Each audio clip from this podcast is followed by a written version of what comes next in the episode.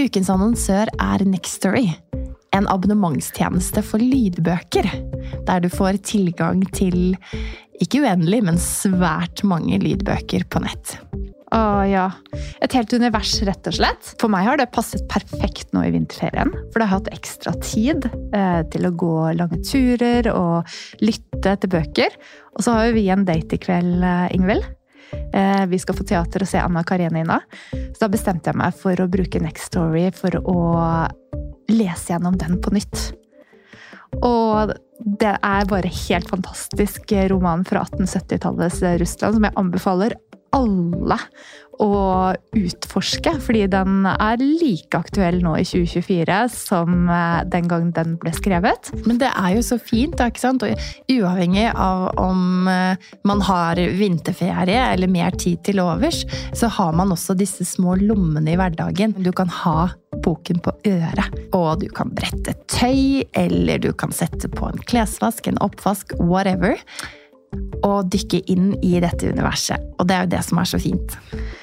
I, eh, I, tillegg, da, når uh, disse små Dine kommer med den samme boken for 15. gang, Ingvild, og spør ja. mamma kan du lese denne, så er selvfølgelig det veldig hyggelig, men det kan også være eh, vel så hyggelig å, å få eh, boken servert fra noen andre, så kan man lytte sammen. Eh, vi har hørt mye på Albert Aabergs lydbøkene i Nextory, for det er et univers som både min femåring og min toåring elsker. Ah, det er fantastisk. Man kan finne så mye flotte verdener og opplevelser i gode bøker. Og du som lytter til oss, kan nå få seks uker med fri tilgang til Nextory hvis du går inn på linken nextory.no engler. Så gå inn der, bli med oss eh, og utforske bokuniverset. Og så håper jeg at du har like stor glede av det som vi har.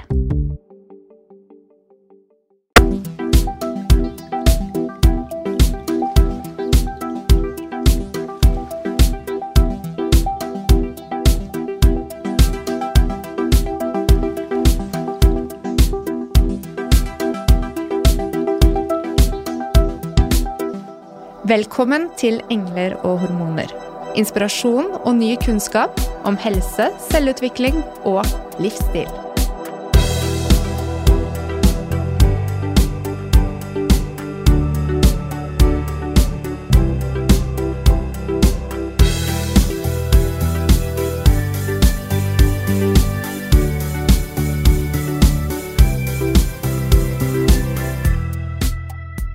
Endringer uavhengig av om de er positive eller negative, kan oppleves som ubehagelig for den enkelte fordi vi går ut av det vante og trygge. Hva hvis vi løfter det opp på organisasjonsplan, snakker om arbeidskultur og mentalitet på jobben i en endringsprosess? Og hva er egentlig de avgjørende faktorer for om det blir en suksess eller en dårlig erfaring? Med oss har vi ei dame som er skikkelig god på alt som gjelder det nye arbeidslivet. Mette Hopsdal, Hjertelig velkommen. Tusen takk. Vi har jo snakket om indre dialog i forbindelse med endringsprosesser tidligere i sesongen med mentaltrener Anniken Binds, og i dag så skal vi litt ut av hodet og kroppen og inn på arbeidsplassen. Det her er spennende. du har jo vært hos oss før, Mette, men eh, for nye lyttere og en liten oppdatering kanskje siden sist. Ja. Hva, hvem er du? Jeg heter Mette, eh, og jeg jobbet eh, Sist gang jeg var her, så jobbet jeg vel som DNA-direktør i ICE, ref det vi snakket om innledningsvis nå med det nye arbeidslivet. Altså hvordan vi jobber sammen. Så noen vil velge å kalle det HR-direktør, men i ICE så var det DNA-direktør. Eh, og etter det så Du kan si det sånn, en, en av de tingene vi jobbet veldig mye med i ICE, det var jo nettopp å jobbe med å rigge alle folkene der og organisasjonen til å rett og slett nærme seg en ny måte å jobbe på, og en ny måte å jobbe med folkene våre på. Og så kan du si at dette her var jo da noen, noen Det var vel tre år før pandemien kom. Så en av de tingene vi gjorde, blant annet, det var jo å si til alle at uh, her er tillit så Det står så sentralt at her kan du jobbe når og hvor du vil, ingen spørsmål stilt. Det eneste vi måler det på, det er resultatene. Eh, og det høres jo helt sånn, ja, det er jo vanligere det nå, men på den tiden i 2017 så var det helt eh, sensasjonelt. Så det var vanvittig mye fokus, og det var media, og det var avisartikler, og det var blogger og bok og alt mulig på at herlighet, dere har bare sluppet helt taket. Um, og så så jeg at folk, veldig mange, ønsket jo å, å, flytte seg og tenke nytt og mer kanskje hensiktsmessig og bærekraftig når det gjelder hvordan vi jobber med folkene og møter folkene på deres premisser men de visste ikke hva du skulle gjøre. Så det jeg gjorde for et års tid siden, det var at jeg tok et verdivalg, og så hoppet jeg av karusellen som DNA-direktør i ICE, nettopp fordi jeg tenkte nå åpner jo samfunnet igjen. Eh, det åpnet jo ikke helt, viser det seg, for det skjedde jo ikke før, før i år, men eh, jeg tenkte i hvert fall at hvis jeg noen gang skal hjelpe å skubbe arbeidslivet i en retning som jeg virkelig tror på og tror er riktig, så det er nå jeg må gjøre det. Så siste året så har jeg eh, jobbet med å holde foredrag om det nye arbeidslivet, eh, hjulpet ledere med lederutvikling, ledertrening, eh, for at de skal forstå hva som har endret seg. Og det har jo selvfølgelig pandemien de siste to årene virkelig skubbet den utviklingen vanvittig. Så jeg holder foredrag. Jeg holder teambyggingsting, og jeg driver og coacher ledere. Og så driver jeg faktisk, og det syns jeg er spennende, jeg får lov å være med en del steder og hjelpe ledergrupper og ledere og, og eh, administrerende direktører til å lage menneskestrategi. Altså til å være med og ok, hvis vi skal nå rigge oss på denne nye måten, hva er det vi gjør? Så det å få lov å være en sparringspartner inn der syns jeg er en av de mest spennende tingene jeg gjør. Mette, kan du utdype det? Menneskestrategi, hva betyr det? Um, de som er ute og jobber, eh, av oss som lytter på nå, eh, det er jo Vi har jo et forhold til strategier, de fleste av oss. sant? For alle arbeidsplasser stort sett har en eller annen strategi om hvor vi skal. Men hvis man går inn og ser på de strategiene, så handler de veldig mye om det man skal gjøre, om produktene man skal selge, om måtene man skal gjøre det på. Så man har alltid strategier. Og hadde man ikke hatt strategier, så hadde man fått en del spørsmål både fra styrer og, og ledelser.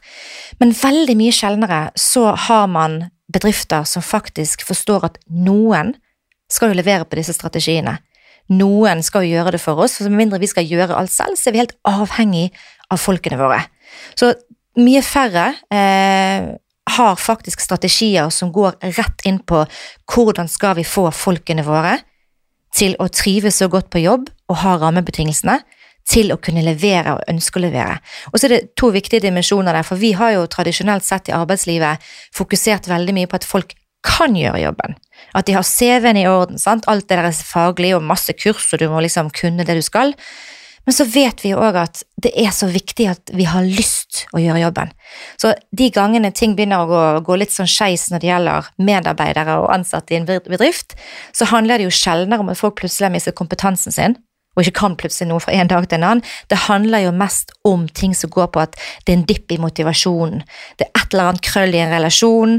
Vi vet jo blant annet at syv av ti som slutter i en jobb, oppgir dårlig ledelse og dårlig relasjon til lederen sin som grunn til at de slutter. Mm. Da tenker jeg at det er ganske smart å jobbe også med en strategi som handler om hvordan skal vi rigge oss for å både tiltrekke oss de folkene vi trenger, og det er jo en kjempepoeng i disse tider vi er i nå, mm. hvor det i høyeste grad er arbeidstakers marked. Og hvordan skal vi beholde de vi har, og ikke minst hvordan skal vi sørge for at de har rammebetingelsene til å både kunne gjøre jobben, men ikke minst ville gjøre jobben. Mm. Ja, fordi eh, det er også dyrt å ansette nye medarbeidere og gjøre opplæring vanvittig dyrt.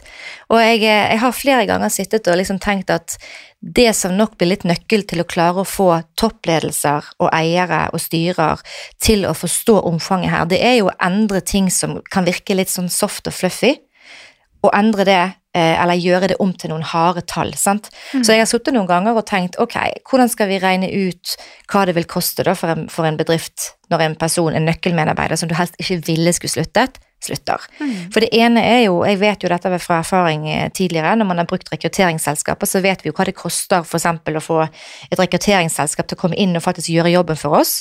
Det er rimelig mange penger.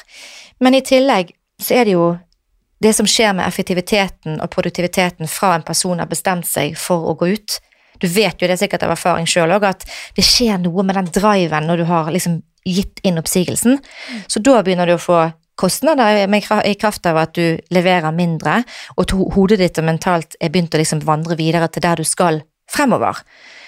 Eh, og så, ikke minst når du får en ny person inn, så er det ikke til å komme unna at den personen trenger veldig ofte tid til å både bli vant med arbeidsoppgavene, bli kjent med bedriften, bli kjent med dynamikken i gruppen osv. osv. Det er litt vanskeligere å tallfeste enn akkurat det det koster i liksom penger. Men hildrende du, hvis du begynner å sette det over til kroner og ører, så tenk hvor mye tid vi bruker som vi kunne brukt til andre oppgaver, som vi må bruke på å erstatte én person. Mm. Så kan du gange det med x antall. Det har jo vært enormt stor utskiftning eh, i løpet av de siste, den siste tiden og siste året i hvert fall. Så uansett hvem, hvor jeg er og, og jobber eller snakker, så når jeg spør liksom hvor, mye, hvor mange er er nye gjennom pandemien, da, i løpet av pandemien, så er det jo enormt mange. Og det gjør jo noe med dynamikken i gruppen, sant, fordi at disse som er her nå, skal nå endelig få lov å møtes face to face, men de fleste er jo ikke onboardet kulturelt. De er onboardet med at de har fått PC-en sin, og de har fått liksom alle rutinene og arbeidsoppgavene. Men det skjer jo noe med dynamikken i det du flytter ut en person, og noen andre kommer inn. Og se for deg da at du har kanskje halve teamet som er annerledes enn før pandemien. Det gjør noe. Ja, det er klart det gjør det. Allikevel, nå har vi jo snakket litt om pandemien også som noe negativt, og ja, korona har jo vært drit, men allikevel så har det, som du sa i sted, eh, en fasilitator for endringer som har vært nødvendige, kanskje. Så nå som arbeidstaker så stiller vi helt andre spørsmål når vi er på et jobbintervju enn hva vi gjorde pre-pandemi. Kan vi Mm. snakke litt om det? Ja, la oss gjøre det. Det har vært eh, Vi snakker jo om endringer, eh, men jeg må jo si det at endringstakten, som har blitt fortere og fortere og raskere, raskere de siste årene, har jo vært helt ekstrem i løpet av pandemien. Eh, Og en av de tingene som du er inne på der, da, det er jo dette her med at eh, det har kommet en del nye forventninger eh, i arbeidslivet etter pandemien, og selvfølgelig etter at vi ble, fikk muligheten til å sitte hjemme, muligheten slash ble tvunget til å sitte hjemme. Så en for eksempel ting veldig mange spør om nå på et jobbintervju, som kanskje ville vært helt utenkelig før pandemien, er jo eh, hvor mye får jeg muligheten til å bestemme hvor jeg skal sitte og gjøre jobben. Eh, hvis du ser for deg en akse hvor noen bedrifter velger å ha fri flyt, du kan velge akkurat når og hvor du vil jobbe, sånn som vi da jobbet i Ice. Og så har du de andre på andre siden som kanskje har bedrifter og ledere som er litt sånn du, nå må vi liksom brush it off, nå har det vært pandemi, og nå må vi bare, nå er det slutt, så nå må vi tilbake der vi var, kom på kontoret klokken åtte på mandag, og så har du ingen flex. Mens de fleste, de beveger seg et eller annet sted på de to ytterpunktene. Eh, si at de sier du må være på kontoret to dager i uken, eller eh, du får ikke lov å, ha, å velge hvor du skal sitte mandagen eller fredagen, for du drar det på hytten, sant? eller et eller annet sånt. Så, så det spør folk om, og så spør de i mye større grad enn før. Eh, de er opptatt av relasjonsbiten. Hvem er det jeg skal jobbe med hvis jeg begynner å jobbe hos dere? Eh, hva leder får jeg, og hvordan leder vedkommende? Hva verdier har dere som selskap? For jeg må kjenne om de verdiene matcher mine personlige verdier. For et jobb er ikke lenger bare et sted du går for å få en lønnsslipp, men et sted hvor jeg kommer med hele meg, med all min erfaring, personligheten min, kompetansen min, alt jeg er.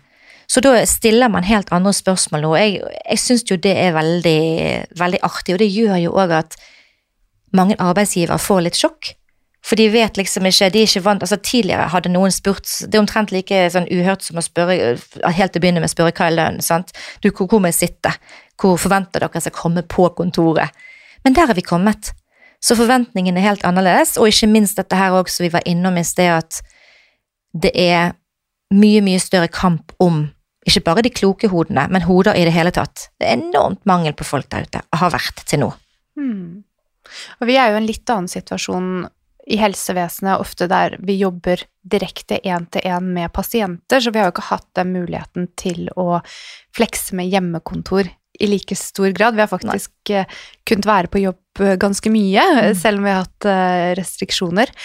Um, men vi merker jo at disse eh, Det som du snakker om, om verdier og autonomi, at det blir viktig. Det er akkurat som det har strømmet over oss alle Mm. eh, i disse årene. Og altså noe vi hører veldig mye på benken, er at man gjør opp en ny vurdering rundt hvordan man bidrar til samfunnet via arbeidsplassen sin, mm. og at det er viktig å skape verdi på mange måter.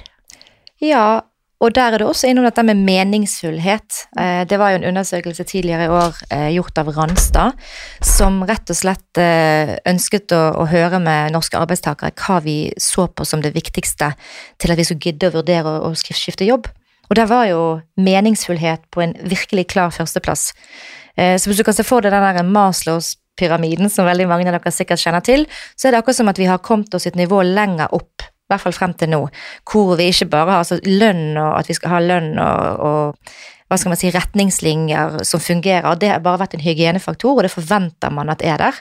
Men nå har han liksom beveget seg lenger opp på, på den, eh, ja, i den skalaen, og ønsker liksom også å ja, man ønsker det skal være meningsfullt å komme på jobb, man ønsker å se sine egne eh, Sette sine egne avtrykk og se at det man driver med, faktisk ja, betyr noe. Mhm. Så vi må ha meningsfullhet. Vi må bruke tiden vår ordentlig. Det tror vi er blitt mer kresen på. Så si at vi er motivert, da.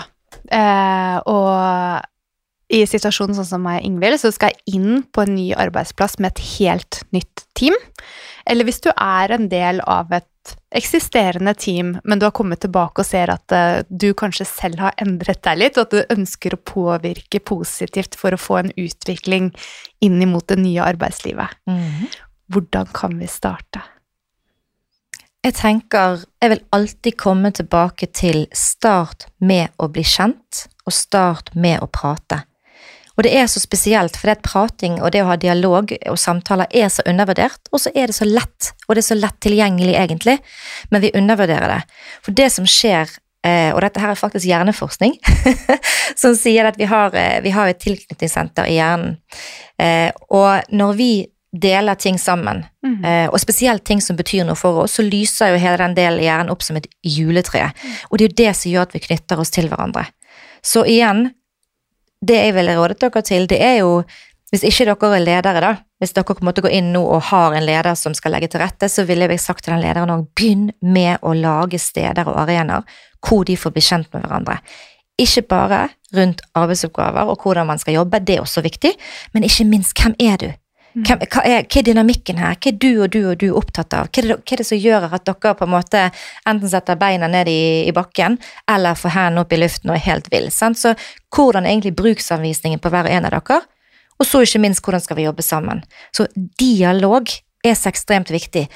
Og det, det er ikke bare å I den sammenheng tror ikke jeg at det bare handler om å sette folk sammen i et rom, og eh, sånn som veldig mange gjør når de skal skape team. Da du vil la folk gå på glødende kull, eller så tar vi en tur på Norefjell på ski, og så har vi skikkelig teambygging. sant?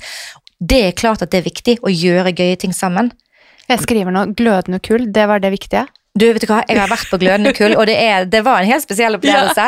Men, men det er liksom ikke det som gjør Det, det koster jo en del penger, det skal sies.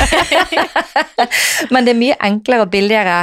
Men da må du som leder legge til rette for at det skjer samtaler som ellers ikke ville funnet sted. Og Ja. nå snakker jeg litt sånn, jeg har jo eh, hengt mye med Fuelbox, den fantastiske Fuelbox-gjengen siste året, som er veldig flinke på dette her med samtaler, og sette samtaler i system. Og det er akkurat den her, eh, jeg tror en viktig lederoppgave når det gjelder det som du nå snakker om da, er at en leder vil fremover, og vil også i en sånn situasjon når du kommer inn i et nytt sted, være, måtte være en fasilitator for å legge til rette for at det skjer samtaler om viktige ting som kanskje ellers ikke ville funnet sted. Ja, det er egentlig en helt fantastisk setning. Mm. For det er der du åpner opp for mulighetene. Mm. Så Kan du De- komme Unnskyld. Nei. Jeg ble, nå ble jeg så ivrig, Mona, fordi jeg ble sånn Å, kan du komme med direkte, konkrete eksempler på eh, hvordan, det kan, eh, hvordan det kan skje, da? Hvilke spørsmål er det man kan stille? Du har vel kanskje noen direkte kort du kan plukke opp fra en sånn Ja, jeg, har jo, jeg jobber jo mye med, med både appene, appen til Fuelbox, Fuelbox-appen, og, og boksene, som behandler altså om å trekke spørsmål som er tilpasset. Og det, jeg har jobbet mye, med det i næringslivet, hvor du har egne bokser som går på nettopp team. Og da er jo et typisk spørsmål Man ville jo, man ville jo på en måte lagt opp til at spørsmålet til å begynne med ikke de, mest, eh, de som gjør deg mest sårbar, men det er spørsmål som jeg ofte bruker, og som jeg bruker som en icebreaker også når jeg er ute og holder foredrag, det er jo eh, spørsmålet som heter Hva er du stolt over, men sjelden skryter av. Mm. Og der kan du på en måte velge egentlig hvor dypt ned i materien du vil gå. Sant? Du kan fortelle noe som er veldig enkelt, at du er flink til å En kollega av meg som alltid sier jeg kan enten velge å si at jeg er flink til å sjonglere, eller jeg kan på en måte gå inn i noe som er mye dypere. Jeg er veldig stolt over at jeg eh, gjennom et vanskelig samlivsbrudd, eller et eller annet sånt. Sant? Så, så det kan jo være liksom et, et startspørsmål, men ellers er jo det spørsmål som handler om eksempel eh, hvordan er det å jobbe med deg? Det handler litt om selvinnsikt òg. Eh, for dette kunne du fått vite hvis du hadde spurt andre. Hvordan er det å jobbe med meg? Så hadde du fått svaret, men det gjør vi stort sett ikke. Men det å faktisk si hvordan tror du det å jobbe med deg? Eller hva for et førsteinntrykk tror du at du gir? Mm. Som er ganske gøy helt til å begynne med. Mm. For da kan man plutselig få en dialog på at wow, og det visste jeg ikke, eller jøss, er det sånn jeg, det sånn jeg, eh, jeg fremstår? Og så etter hvert så kan man la samtale komme inn på ting som selvfølgelig handler om eh, hva er viktig for at vi skal kunne levere sammen som team? Eh, hva er på en måte deal-breaker for deg, og hva på en måte er ting som jeg kan gjøre for deg hvis du virkelig skal levere? Og så tenker jeg at viktig poeng, Nå snakker vi om spørsmålet, men jeg tror det viktigste er å sørge for For vi, vi snakker jo ikke lite sammen på jobb, stort sett. Men det handler ikke bare om å snakke sammen, men det handler om hva vi snakker sammen om. Altså temaet. Så jeg tror jo at det er veldig viktig, helt konkret, da, at uh, når man går inn og f.eks. skal bli kjent med et nytt team, eller man skal ha morgenmøter, sånn, så er jo alt går i 190, og tempoet er veldig raskt. Så istedenfor å gå rett på sak, så liksom begynn hvert møte og begynn hvert sted som man treffes, da, med et spørsmål som man enten da, enten man trenger hjelp til spørsmålet ved å bruke det som jeg bruker, med Fuelbox, eller rett og slett bare sørge for at man smalltalker om noe som ikke har noe verdens ting med jobben å gjøre, men med oss. Og de gangene dere, jeg tenker de gangene personlig i hvert fall, de gangene jeg kjenner at jeg er mest knyttet på og føler meg mest tett med en kollega, det er ikke når jeg kommer ut fra et møte liksom, hvor vi har snakket om powerpoints og, og Excel i to timer. Det er ikke da jeg kommer ut og bare kjenner jeg har aldri følt meg nærmere denne kollegaen. Mm. Det handler om hva vi snakker om. Mm. Mm. Og så må det være ekte, ikke sant? For vi har en ganske god radar på å kjenne Bullshit. Ja. Det kan nesten ha motsatt effekt. Du må aldri gjøre noe hvis ikke du klarer det. Altså, det å fake relasjoner eller å fake det å være interessert i hverandre, det, det er så det, det vil aldri gå bra. Men, men det er klart at nå er vi inne på noe viktig her, og det er det at vi trenger å lære eh, hverandre relasjonskompetanse. Altså vi må lære hverandre hvordan man skaper gode relasjoner. For uansett, stort sett, både egentlig eh, privat og ikke minst på jobb, de gangene ting går åt skogen, eller ting er vanskelig, eller på jobb at noen ting bare rakner, så skal du bare legge merke til at det handler veldig ofte om en feilslått relasjon. Det er en Mm. relasjon som er surnet. Så det at folk forstår at vi er flinkere til å jobbe like systematisk med relasjoner som andre ting, Mm. det er det så viktig. For stort sett hvis jeg lurer på noe, eller jeg har lyst til å be om råd, eller lyst til å dele noe, eller lyst til å gi feedback, så gjør jeg jo ikke det hos de personene jeg ikke er trygg på. Hvem er det jeg går til? Jeg går til de jeg kjenner. Jeg går til de som jeg har en relasjon til. Sånn er det alltid. Så kan folk sitte der og være, ha både doktorgrad og professor. Altså, du, kan- være så utrolig smart, og du kan ha så mye erfaring på en ting, men hvis ikke du har menneskekunnskap, og du ikke faktisk eh, er en person som eksempel deler av deg sjøl, eller ikke syns det er noe viktig, så vil jo ikke folk komme til deg. De vil gå til den de kjenner. Ja. Og så blir du en styrke i et arbeidsliv også å ha kollegaer du kan stole på, der du også kan være sårbar på den dårlige dagen, der du kanskje trenger en ekstra hånd i ryggen da for å prestere bedre, eh, men også kunne være til stede for andre når det er andre som har en annen type utfordring. Og nå er vi jo inne på det som eh, har blitt et sånn buzzword i løpet av koronapandemien, men dette her med psykologisk trygghet. Mm. Det er det, det, er det du egentlig snakker om. Mm. Det er jo det å våge å, å, å vite at folk, tar, folk på teamet ditt tar en kule for deg, Mm. og at også når det stormer, så kan du få lov å komme til torgs og være hele deg. Og du vet at det er ingen som kommer til å le av deg, syns du er dust, himle med øynene, latterliggjøre eller Altså, du vet at du har folk der. Det er jo så viktig.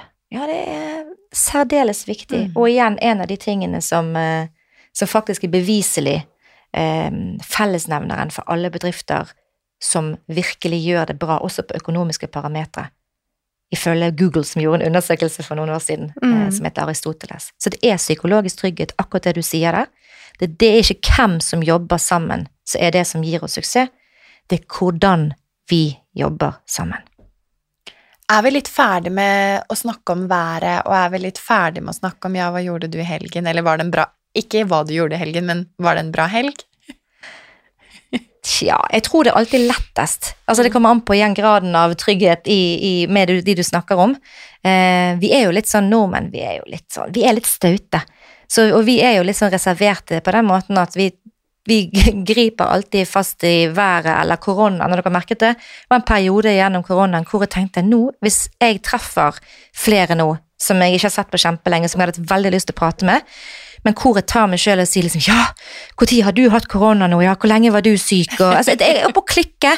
Vi må snakke om noe annet enn korona, og så må vi snakke om noe annet enn været. Så jeg tror nok at det er lett å ty til det som en form for icebreaker, men tenk så kult om vi kunne heller spurt om noe annet som, som eh, kanskje ga oss litt mer innsikt i hvem vi er, og hvordan vi egentlig har det. Ref at det nå nylig var eh, verdens helsedag for psykologisk helse. Verdens, verdensdagen for psykisk helse. Ja. Takk. Det hadde vært kult. Ja, for jeg kjenner det nesten på måten vi gjør introduksjon på, ja, at etter korona så blir jeg sånn Når jeg sier 'så hvem er du, Mette', så tenker jeg 'å, det har så mange lag'. Mm. Ikke sant? Mm. Så det spørsmålet burde vi jo egentlig også omformulert. Ja, det er spennende, fordi eh, det er litt det samme som vi snakket om i sted når det gjelder dette her å skape dialog. sant? Alle er jo forskjellige, og alle skal få lov å bestemme sjøl hvor langt vi tar med folk inn. Så det som du sier, det er mange lag, så, så det å stille spørsmål hvor du kan hvis du kjenner at du som person at dette her føler jeg ikke meg komfortabel med, at du kan velge en liksom easy way out. sant? Mhm. Jo da, det Ja, hvem er du? Nei, jeg er gift og sånn og sånn og to unger eller whatever. Eller hvis du liksom, som du sier, velger og kjenner at du er trygg på omgivelsene, og du har lyst til på en måte vise hvem du er, så går du den andre, det neste steget og sier du, jeg eh, er et menneske som er veldig opptatt av eh, å samle på opplevelser. Eh, tilstedeværelse i livet er viktig for meg. Relasjoner til de jeg er veldig glad i. Jeg er kresen på hvem jeg bruker tid med. Da får du et helt annen introduksjon av akkurat samme menneske. Men det handler jo egentlig bare om å være nysgjerrig på hverandre. Mm. Jeg tror kanskje for noen at det må trenes på. For jeg, jeg kjenner i hvert fall at noen av de spørsmålene som skal bringe frem noe, krever litt refleksjon. Og hadde jeg møtt denne type spørsmål i første gangen jeg satt i en gruppe med mine nye kollegaer, så tror jeg jeg synes det hadde vært vanskelig å finne rett svar. Eh, og der er vi kanskje tilbake på personlighetstyper, for det har vi snakket om før også. Noen er jo veldig kjappe, men eh, Og kontekst, tenker jeg der også. ja. og kontekst. Jeg tenker at det der med hva, hva eh, Spør eh, for eksempel eh, en, en hodejeger meg på et jobbintervju. Eh, ja, hvem er du? Så vil jeg jo trekke frem helt andre ting der enn hvis det er et menneske som jeg har lyst til å investere i, som, som jeg prøver å bli kjent med, som jeg vil jeg skal få virkelig bli kjent med den jeg er. Så jeg tror kontekst og den situasjonen vi er i, har veldig mye å si. Mm. Mm. Men kan vi også kanskje øve oss på en måte til å reflektere mer over disse tingene selv, slik at vi blir klare for å delta mer i den eksterne dialogen og kommunikasjonen rundt det? Jeg tror det. Um, jeg ble nylig gjort oppmerksom på, det var litt stilig, for jeg er jo opptatt av at vi skal spørre hverandre og liksom se hverandre og være litt nysgjerrige. Men, men jeg må jo innrømme at jeg er første person til, eh, til å si, når jeg ser folk så, som jeg også bryr meg om, eh, det kan være kolleger eller venner eller hvem som helst, så sier jeg alt vel. Ja. Og, og, og tanken er, eller så sier jeg 'kjekt å se deg', den sier jeg også, men det er ikke noe spørsmål, det er bare 'hei, kjekt å se deg', alt vel? Men alt vel, det er liksom ekstremt enkelt å si 'ja, Mm. jo da'. Mm. Fint, det.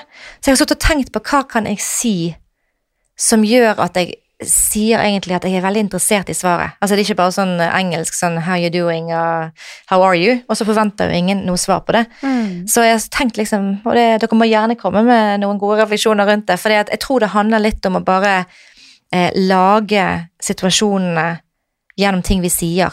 Og det er små grep, sant. Jeg føler jo at jeg, når jeg sier alt vel, så mener jeg jo egentlig å si hvordan går det med deg? Det var veldig kjekt å se deg. Nå lurer jeg veldig på hvordan du har deg, for det bryr jeg meg, det bryr jeg meg om. Mm. Men det får jeg ikke frem. Jeg sier bare alt vel. Alt skal gå så fort, ikke Ja, det skal gå så fort! Mm. Mm. Så, men jeg kan jo fortelle dere en gøy ting jeg har gjort siden sist. da. uh, som handler litt om mitt jobbmotto er jo 'personal is the new professional'. Så det hører dere sikkert litt ut ifra måten jeg snakker på, at det er veldig viktig for meg å, å, å tenke at det er ikke uprofesjonelt å være personlig. Så en av de tingene som jeg syns var litt artig, eh, det var jo rett og slett at for et halvt års tid siden så tenkte jeg nå skal jeg, nå skal jeg liksom leve det jeg sier, og teste ut. Så jeg eh, er en del på LinkedIn og legger ut en del innlegg der. Og da tok jeg rett og slett og skrev Hei, jeg har telt opp at jeg har plass til 20 mennesker i stuen min. Eh, og jeg inviterer nå til godt gammeldags kaffeslabberas eh, med kaffe og litt kake. Og så inviterer jeg på et, eh, et lite foredrag om det nye arbeidslivet, om hva i all verden skjedde. Eh, og det er førstemann til møllen. Og så var jeg litt sånn nervøs på om dette her var å gå helt eh, Altså, liksom, hvorfor skulle noen gidde å komme hjem til deg og høre på deg, og alt du får den der djevel på, på skulderen. Men folk var helt ville. Eh, og da var jo også folk etter pandemien, eller på, på randen av liksom en avsluttet pandemi, så folk var helt desperate etter kontakt. Så det ble fylt opp i løpet av en dag, og det sto folk på venteliste. Og så kom alle folkene hjem til meg, og det var altså så utrolig hyggelig. Og det er jo ingen, apropos dette her med hva som er innenfor, jeg tror det er viktig at vi av og til bare beveger oss litt utenfor det som alle gjør, og det som vi tenker er vanlig. For når man tar sånne sjanser som det, da, så ser man jo at folk elsker det. Folk elsker at vi våger å ta en sjanse, våger å være litt personlig, våger å invitere folk hjem til sin egen stue, og ikke minst at um, det var så mange kule relasjoner som ble skapt med mennesker som ikke kjente hverandre i det hele tatt, og som insisterte på at uh, vi er nødt til å holde kontakten etterpå. Så nå for forrige uke så var jeg faktisk, da var det en annen av de som var hos meg, ingen kjente hverandre, som sa 'jeg tar ball videre'. Så neste gang så treffes vi hos meg. Fantastisk. ja, så jeg tror, jeg tror det begynner litt som du sier, du begynner litt med ord, da. Du må begynne å tenke én og én vil jo alltid bli to. Hvis vi ønsker noe annet, mm. output, så må vi også legge til noe annet i inputen. Og det var en fantastisk eh, demonstrasjon av eh, det å gå kjapt videre fra en eh, ja, litt kanskje negativ indre dialog. Som også at frykten slår oss, er jo den naturlige reaksjonen når man gjør noe som er helt nytt og utenfor komfortsonen. Mm. Men sånn kan det gå. Så det var et veldig fint eksempel, også med tanke på hva Anniken snakket om i forrige uke. Absolutt. Mm. Men hvis man skal legge om, enten det er eh, La oss si at det er eh, to organisasjoner eller to firmaer som skal fusjonere, man skal forholde Altså det skal er snakk om at man skal få en ny identitet på arbeidsplassen, hele arbeidsplassen du kjenner til, blir omstrukturert. Eh, ja. Kan vi, har du noen eksempler på hvilke faktorer er det som spiller inn på om det blir en suksess eller om det blir en fiasko? Kanskje heller, Nå har vi snakket mye om hva som skal til for at det skal gå bra, nemlig mennesket. Og, ikke sant? Men hva er det som gjør at det går dårlig? Um, erfaringsmessig så Du snakket jo litt i sted om at ting skal gå så fort. Og det gjør at vi av og til kutter litt hjørner. Um, og så er det litt ironisk òg, fordi at vi altså endring, ting endrer seg jo veldig kjapt nå, og det du snakker om nå, er jo dette her med hva gjør vi når ting blir annerledes på jobben? Hva gjør vi enten det er noen som fusjonerer, eller det er et eller annet? For endringer er jo det er den eneste konstanten vi har. Mm. Og det er ganske vittig å tenke på, for fra naturens side så er vi mennesker veldig glad i stabilitet. Så, så som du nevnte i sted også, alt hver gang det er noe som endres, så vil vi, vår første reaksjon vil være ok, eh, og så hvordan påvirker det meg? Mm. Så jeg tror jo at um, det er noen ting som jeg erfarer er ekstremt viktig, og det er uavhengig av hva eh, endring man går inn i. Og siden du spurte om hva kan gå galt, så vil jeg heller da ta det på Det ene jeg, som jeg tror er veldig dumt, det er å ikke informere nok. Så det, det første som skjer, sant, det er vi skal gjøre en endring. Og da vil det første som, som gjør, som skjer, det er jo Ja. det første som skjer, det er jo hvorfor skal vi gjøre det? Så, så det der med hvorfor det å bare få beskjed om at nå skal vi endre noe, det er Vi er jo forskjellige mennesker ute i organisasjonene og hjemme òg, for så vidt. Så det første vi vil spørre om, er hvorfor. Hvis ikke vi har allerede der eh, Hvis vi har bommet der og ikke fortalt hvorfor vi skal gjøre det, så mister du halvparten allerede der, og de er imot, kanskje. Og så tror jeg at det andre fellet går i det, og da ikke forankre ting. Eh, du sier at sånn og sånn skal det være, og så regner du med at alle er med. Mm. Så det å ta noen ekstra runder, henge med kaffemaskinen som, som ledere, da, og sørge for ok, nå har vi sagt at det kommer en endring, hva mener folk om det? Og det er jo bare å plukke opp, ha pulsen på folk, og det må du gjøre ved å være til stede der disse tingene blir diskutert. Og det kan være på møterom, men det kan være i, kaffe, i, kø, i køen til kaffemaskinen, det kan være nede i kantinen. Vi må være til stede for å forankre det som nå skal skje. Og så er det en tredje ting som jeg tror er også en kjempeblem å ikke gjøre, og det er jo dette her med å involvere. Eh, at det skal gå så raskt, da. At vi glemmer av og til at vi skal ikke gjøre det sjøl, så vi er helt avhengig av folkene våre. Og så er det lurt å tenke på at det er vanskeligere å være mot noe man har fått vært med å bestemme sjøl. Så det å involvere er alltid, alltid lurt. Og den siste biten, når du har liksom, kommet over hvorfor, hvor, hvorfor man skal gjøre dette her, liksom, så er jo dette her med hvordan skal vi gjøre det, og da handler det om opplæring. Så igjen, informasjon, altså hvorfor skal vi gjøre det, forankring, sant? Få, en, få en forståelse at dette blir bra, hvordan påvirker det meg, involvere folk, og lære de opp. Så gjør man de fire, så tror jeg man er veldig godt på vei i enhver endring. Mm. Og igjen der også at det er liksom ektefølt. At man opplever at det jeg sier, det hører du på. Ja.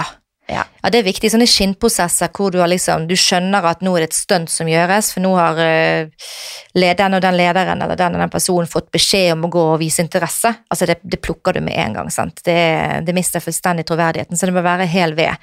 Men, men dette her er jo akkurat de prosessene jeg snakker om nå, har jo jeg veldig mye erfaring med fra forskjellige steder jeg har jobbet, men, men ikke minst den siste gangen nå når jeg jobbet i Ice. For der gikk jo Ice fra vanlig, en vanlig måte å jobbe på med åpent landskap, og alle satt med de som de jobbet med.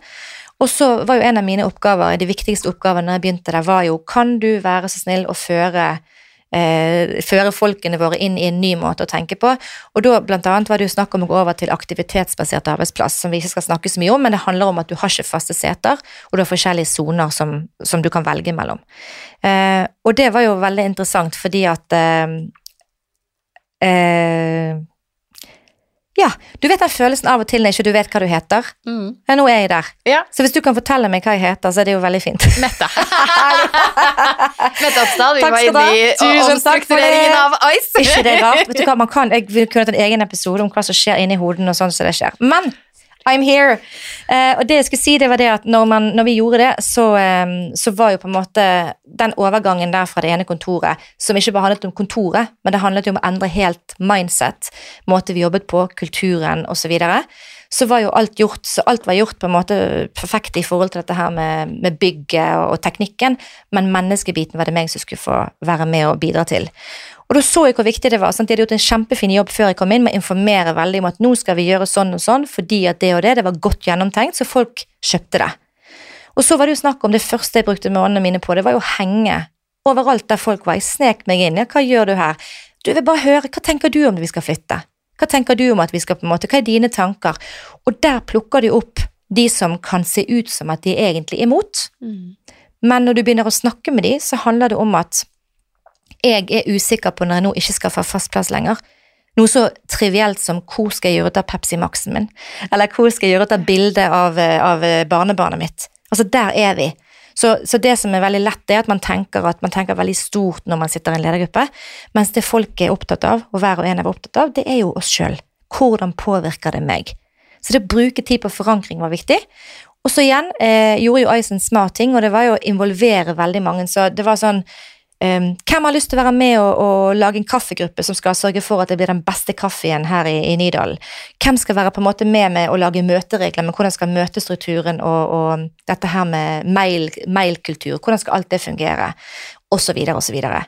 Og det var jo så kult at det ble veldig vanskelig å være imot noe som du har vært med og bidratt inn i på en eller annen måte. Så det å involvere folk i endringer er så smart, for da er vi, da er vi plutselig vi er en del av det sjøl. Mm. Og den siste biten går jo på opplæring. Det å bare tro at ting går seg til når du endrer på et eller annet, enten det er noen fusjoner eller hva som helst, det er å være litt naiv.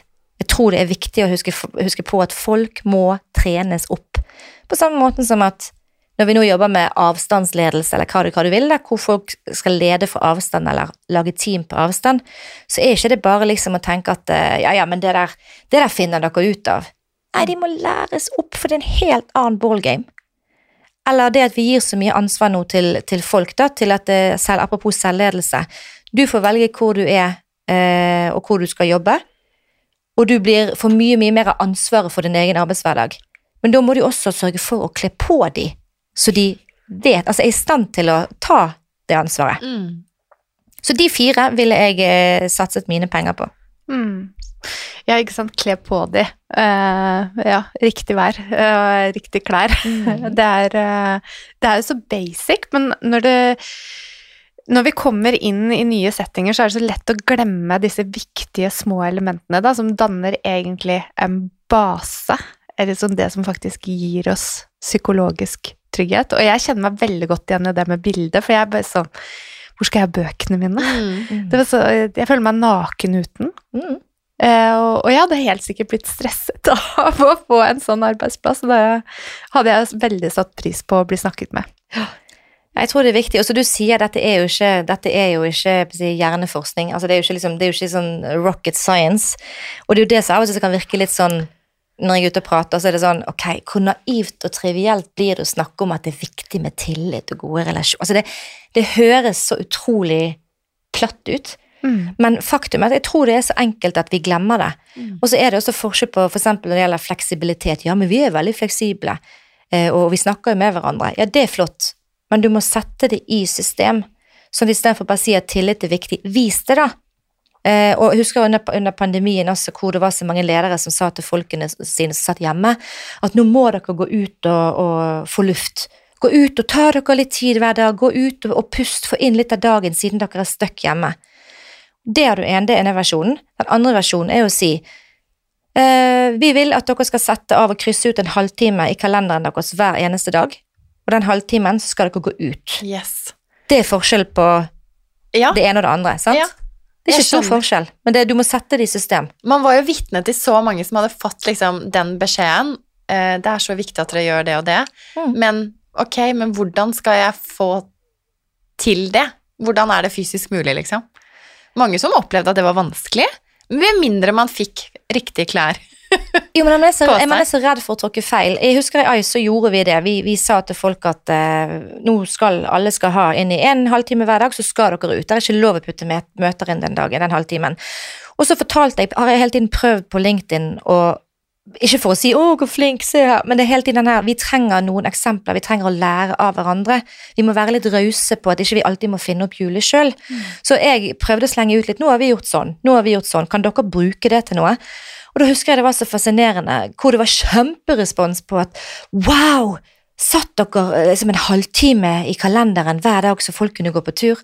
Jeg tenker det er jo, det, det er liksom, jeg synes det sier så mye at vi er så eh, fascinert over wow, det er en så bitte, bitte liten ting. Altså det, er jo, det, det betyr jo ingenting for oss, men for folkene våre så betyr det alt. Det kan være forskjell på liksom mørke og lys. Ja, altså forskningsmessig, fysiologisk. Få inn lys, bevegelse. Mm. Bedrer sannsynligvis produktiviteten etterpå. Det gjør det. Mm. Og kjekt at liksom alle har et felles liksom, tidsblokk å forholde seg til. For hvis ikke så kan det jo fort bli litt logistiske problemer i et team, eksempel. Ikke minst.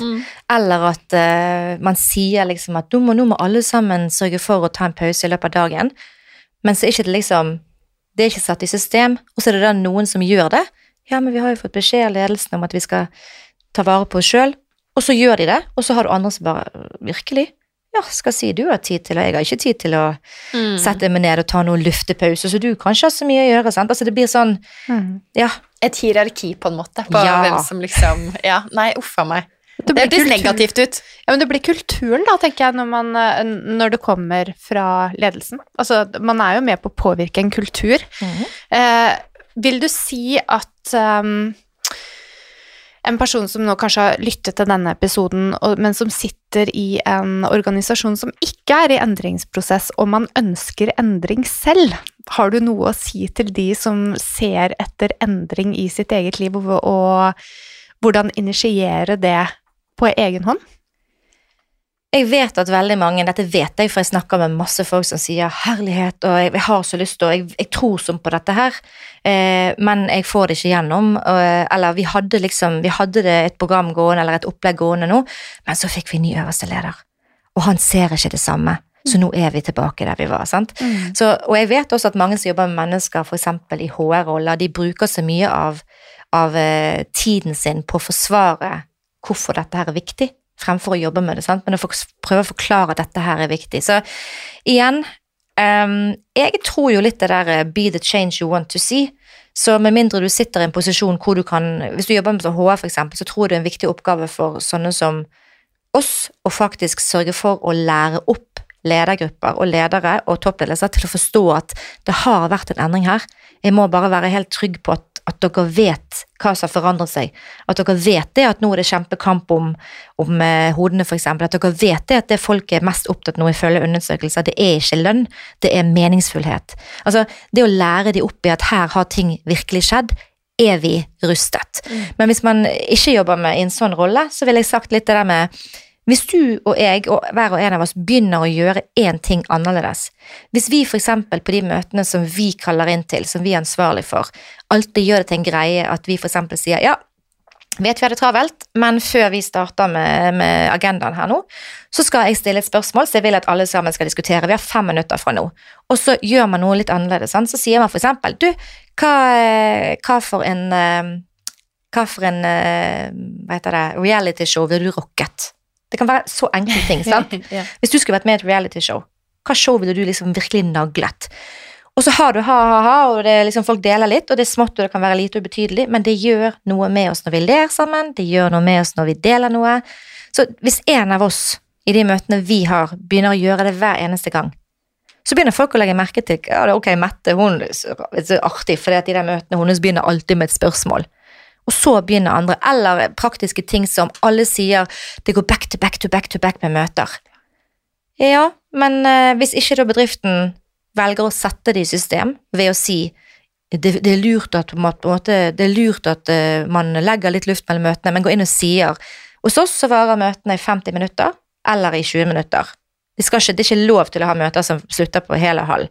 Hvis ikke de gjør det, så kan allikevel jeg eller du eller du kan gå inn og, konsekvent ha våre møter. Når vi kaller inn, så kan vi kalle inn i møter som alltid varer 20 minutter eller 50 minutter.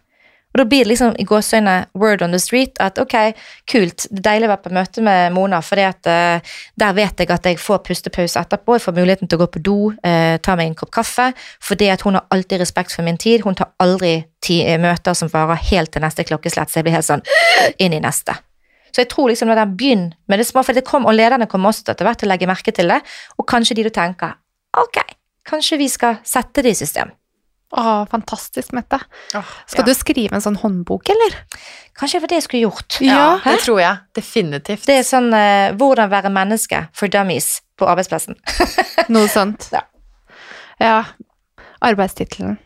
I mellomtiden så kanskje du har noen gode referanser til oss som vi kan legge med i episodebeskrivelsen for de som har lyst til å dykke litt mer ned i sine egne ytre endringsprosesser og hvordan påvirke hverdagen.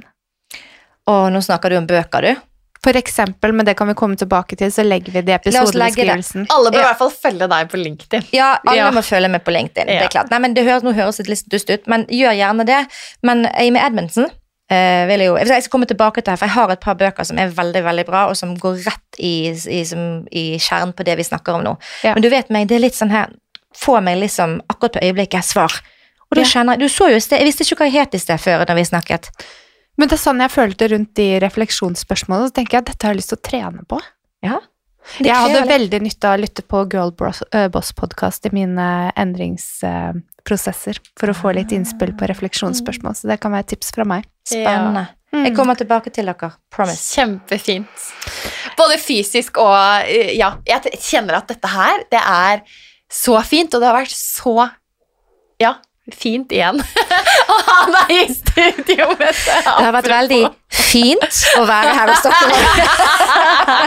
Nei, det var kjempegøy, og dette, er jo, dette brenner jeg for. Så dette her jeg kunne jeg snakket om i timevis, men veldig kjekt å få høre deres perspektiver på det òg. Men det handler jo om ikke sant, det å ha et godt liv. Trives på arbeidsplassen, ha god helse. Derfor er, ser vi jo på dette her som kjempeviktig tema inn i vår podkast. Definitivt. Og alle lyttere, følg Mette på LinkedIn. Hun er en fest. Kanskje får du en billett inn i stua hennes. Du vet aldri det, hva som skjer. Vi høres da, dere. Ha det! Ha det.